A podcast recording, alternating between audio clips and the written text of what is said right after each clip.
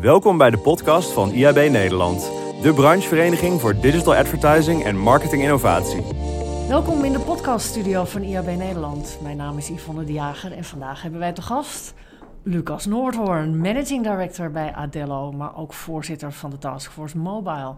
Welkom Lucas. Dankjewel Yvonne, superleuk om hier te zijn. Nou, helemaal goed. Wij vinden het ook heel leuk. Hey, kan je kort uitleggen wat Adello is? Zeker. Uh, wij doen display advertising op mobiel, dus in apps en mobile web.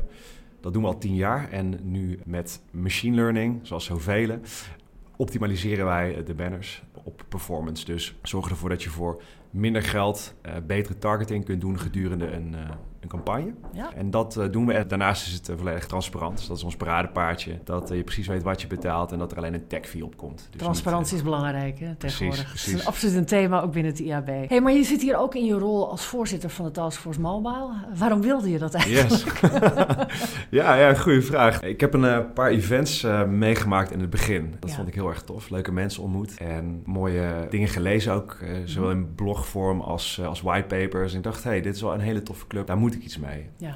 En uh, toen ben ik actief geworden binnen de taskforce zelf. Ja? De meeste taskforces hebben een groep mensen die daar uh, actief is. En dan ook nog de core group of mensen die ja. elke maand daar wel mee bezig zijn. Daar ben ik actief geworden met een hele toffe club.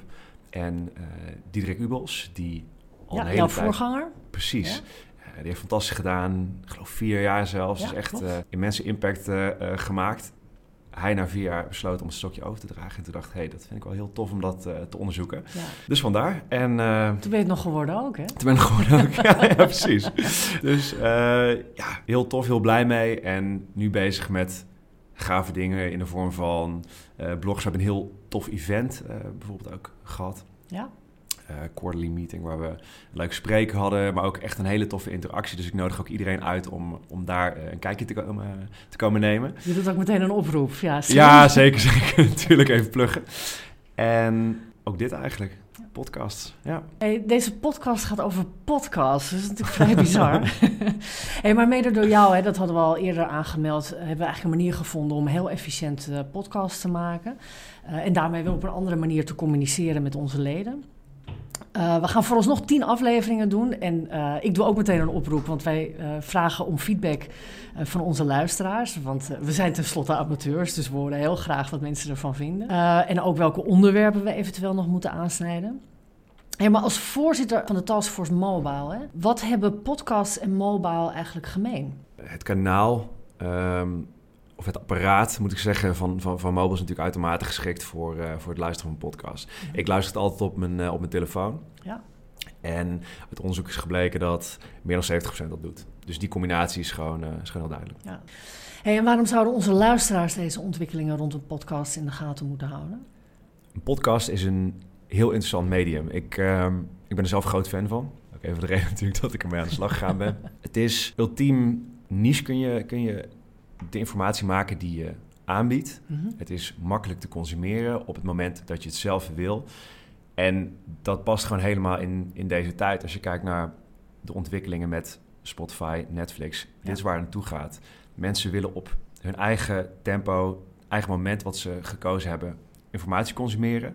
En ze willen ook niet alle, alle dingen eromheen. Ik wil niet per se uh, naar een verhaal van Mattie en Wietse luisteren, uh, omdat dat nu eenmaal uh, gekoppeld is aan een interview wat ik interessant vind. Ja. En ik denk dat dat precies is uh, waar mensen op zoek zijn. Maar is dat hiermee de dood voor lineaire radio? Ja, wat mij betreft wel. Echt? Ja. dat is een vrij boute uitspraak, want met de komst van Netflix uh, was dat natuurlijk ook niet de, de dood van lineaire tv. Nee, om maar eens een vergelijking te maken. Nee, het is niet de dood van lineaire radio als zodanig. Het is meer dat er een andere invulling aangegeven gaat worden. Dus uh, kijk naar Netflix. Die heeft ook een andere invulling gegeven eigenlijk aan wat, wat uh, televisie betekent, zoals je al zei. Met radio gaat het ook het geval zijn. Dus het blijft zeker bestaan. Um, het gaat zelfs groeien, denk ik. Met veel meer uh, radiostations die er gaan komen.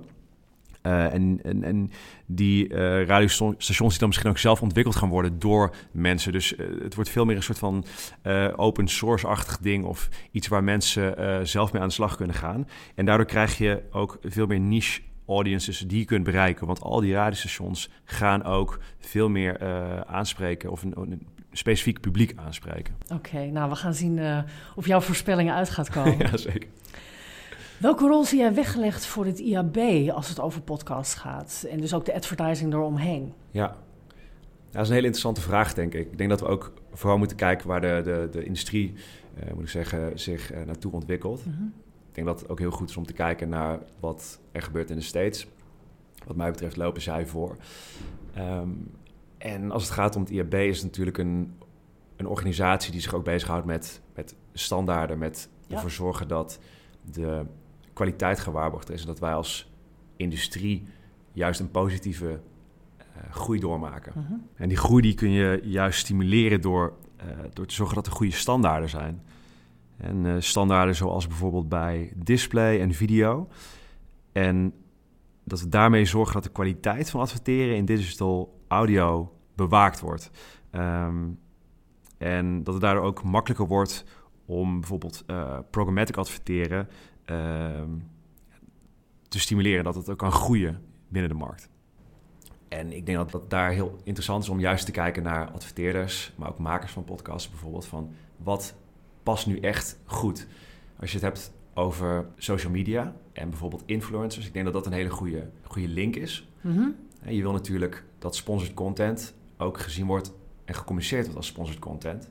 En je wil niet dat het een soort van rare, fake, vage bende wordt waar het Een soort sluipreclame, om maar weer een oude, ja, ja. een oude term uit Ja, de ja. kast te trekken. Ja. Precies dat. Dus dat, is, dat, dat zal een uitdaging zijn. Maar ik denk dat podcasts daar heel erg goed in zijn al. En wat dat betreft, om te kijken naar eh, influencers, dat wordt ook wel steeds duidelijker. Ik bedoel, is het sponsored of niet? Ja, ja interessant. Mooi. Hey Lucas, adviseer je trouwens al onze leden om te gaan experimenteren met podcasting? Of zijn er een paar voorwaarden om tot een succes te komen? Nou, sowieso nee. Dus dit is niet voor iedereen.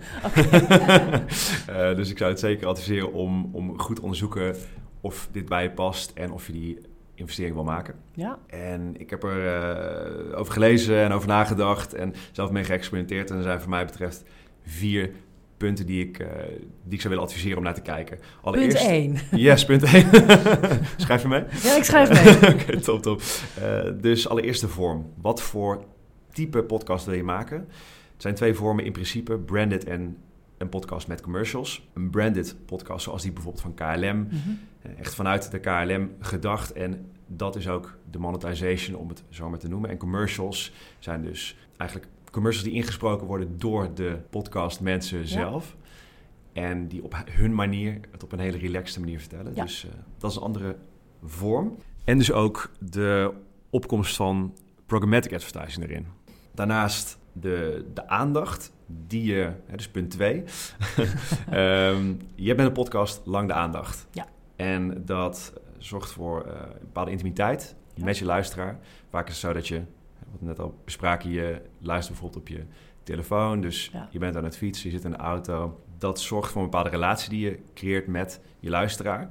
Op een rustige, relaxte manier. Ook een bepaalde concentratie hè, voor het verhaal wat wordt verteld. Absoluut, ja. Dus de luisteraar is echt bezig met, met jouw verhaal. Dat is top. Dus hou daar rekening mee en zorg dat de content die je wil gaan maken in een podcast daarop aansluit. Ja, dus heel hapsnap is misschien niet wat je zoekt in een podcast. Maar daar moet je echt even zelf naar kijken als je dit wil, eh, wil Ja. gaan onderzoeken. Punt drie, lange termijn. Dus lange termijn commitment op het maken van een podcast. Twee redenen daarvoor wat mij betreft. Eerst is de tijdsinvestering. Mhm. Het is best wel een ding om zo'n podcast op te zetten. Het kan wel op een manier die redelijk lean is, maar... Kijk maar naar die van ons, hè? Precies. Tien afleveringen. We gaan het gewoon proberen. Inderdaad. Een super mooi voorbeeld, denk ik. Het is wel zo dat je natuurlijk wat apparatuur nodig hebt, maar ook de opzet van tevoren. Je moet mensen brieven. Daarnaast heb je dat de bewerking achteraf Ja. ook tijd kost. Dat zien we aan Suus, hè? Suzanne Dat Ketelaar, die is daar dru- best druk mee bezig. Precies, Suus die, die, is, die is echt eh, het helemaal aan het killen. En ja, dat kost, eh, dat kost, wel, Ja. kost wel echt tijd. Ja, dus ze wordt er wel steeds beter in. Hè? Want dat is natuurlijk ook met experimenteren. Ze wordt steeds efficiënter daarin. Absoluut. Maar hou er wel rekening mee. Het is, Ja. het is wel een commitment. En daarnaast, make sure you're in it for the long haul, om het zo maar te zeggen. Dus als je zegt, ik wil een podcast gaan, gaan bouwen en dat moet me morgen een nieuwe klant opleveren, dat is niet zoals het werkt. Nee. Het is echt dat je met een, met een uh, repetitie van bijvoorbeeld wekelijks, twee wekelijks, misschien maandelijks. Maar zorg dat mensen echt terugkomen naar je podcast. Ja. En zorg dat ze lange termijn relatie met je, met je krijgen. En dan gaan op een gegeven moment die leads binnenkomen. Maar dat zal niet morgen zijn. Dus Nee. hou daar rekening mee. Laatste ding nog heel kort. Zorg dat je luisterbaar bent of vindbaar bent. Dus iTunes, Target Spots, Spotify, eh, Shoutcast, Apple Podcast, Soundcloud. Mensen moeten je makkelijk kunnen vinden. Ze gaan niet echt hun best doen om je te vinden. Nee, Dus Nou. dat is het. helemaal goed. hey, trouwens, leuk weet je tussendoor. Weet je waar de letters POT voor staan in podcasting? Dat is Publishing on Demand. Dat weten maar weinig mensen. Is zo? Ja, grappig Nee, toch? Dat is heel grappig. Goed om te weten ook. Ja, hè? ja, zeker. Weer wat geleerd.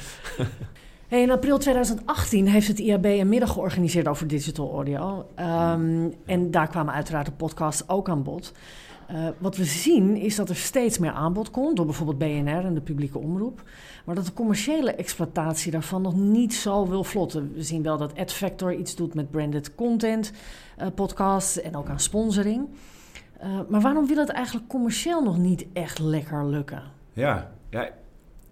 Ik, eh, ik vraag me af of het niet lekker eh, lukt eigenlijk. Ik denk dat het best wel goed eh, gaat. Ja, Ja, als je zeker ook kijkt naar de succesvolle podcasts in de States, hebben ontzettend veel luisteraars. De mensen die die podcast maken, die lopen er echt mee binnen. Dus ja, voor zin- hen is het vooral een commercieel succes, begrijp ik. Inderdaad. Ja. En het mooie is ook, het is best wel goed meetbaar wat het effect is van zo'n, van zo'n podcast en van zo'n advertising stukje in een podcast. Mhm. Eh, Als je bijvoorbeeld een eh, non-commerciële podcast hebt, of in die zin wel zeker commercieel, maar niet eh, marketinggericht of businessgericht, zoals de superpopulaire podcast My Dad Wrote a Porno. Ja, die hebben een mega, mega publiek en zij adverteren bijvoorbeeld voor WordPress. En dan geven ze ook een kortingscode mee, in die zin van ga naar deze URL of ga naar de site en vul dit in. Je weet dus wat de conversies zijn en ja, dat gaat gewoon als een trein. Ja. Dus wat jij zegt is, kijk ook naar de mogelijkheden die je in het buitenland ziet en kijk of je die kan importeren naar Nederland. Precies, precies. En wat heel mooi werkt is, het is ook, je vertrouwt die mensen, je kent de mensen die praten binnen die, binnen die podcast. En zij hebben bijvoorbeeld ook hun website, ik vond het wel heel tof eigenlijk, ze hebben hun website ook gemaakt op WordPress. En daar, daar refereren ze ook naar. Ja. Dus dat maakt het heel tof. Je weet echt, deze mensen die ik vertrouw hebben dit ook gebruikt. Ja. En je weet wel dat het sponsored is, maar toch, het, het klikt. Ja. Dus eh, ja, Jij bent degene die ons heeft geadviseerd om de podcast met name kort te houden en niet Ja. meteen met een uitzending van een uur te komen. ja, ja. Eh, is dat omdat je daar goede, zelf goede ervaringen mee hebt? Ja, absoluut. Eh, ik vind het heel fijn als ik van tevoren weet, dit is wat ik kan verwachten. Dat luister je, het duurt bijvoorbeeld zeven minuten. Ja. En ik ben bereid om die commitment te geven. Dus ik ga er naar luisteren. Stel dat ik het echt helemaal niks vind, dan stop ik na drie minuten. Maar over het algemeen luister je het ding dan helemaal. En, en juist snackable content, dat is echt wel wat het is. ja. Ja. Nou, dit is meteen een mooi bruggetje naar het einde van deze podcast, want we moeten dus kennelijk kort en kernachtig houden. Dus Hey. Lucas, ik wil je bedanken voor je komst naar de studio. En eh dankjewel voor je wijze lessen. En eh, nou, we hopen je snel natuurlijk eh, als voorzitter weer in actie te zien. Dankjewel. Cool, ik vond het superleuk. Thanks. Bedankt voor het luisteren. Wil je meer horen over digital advertising en marketing innovatie? Ga dan naar iab.nl.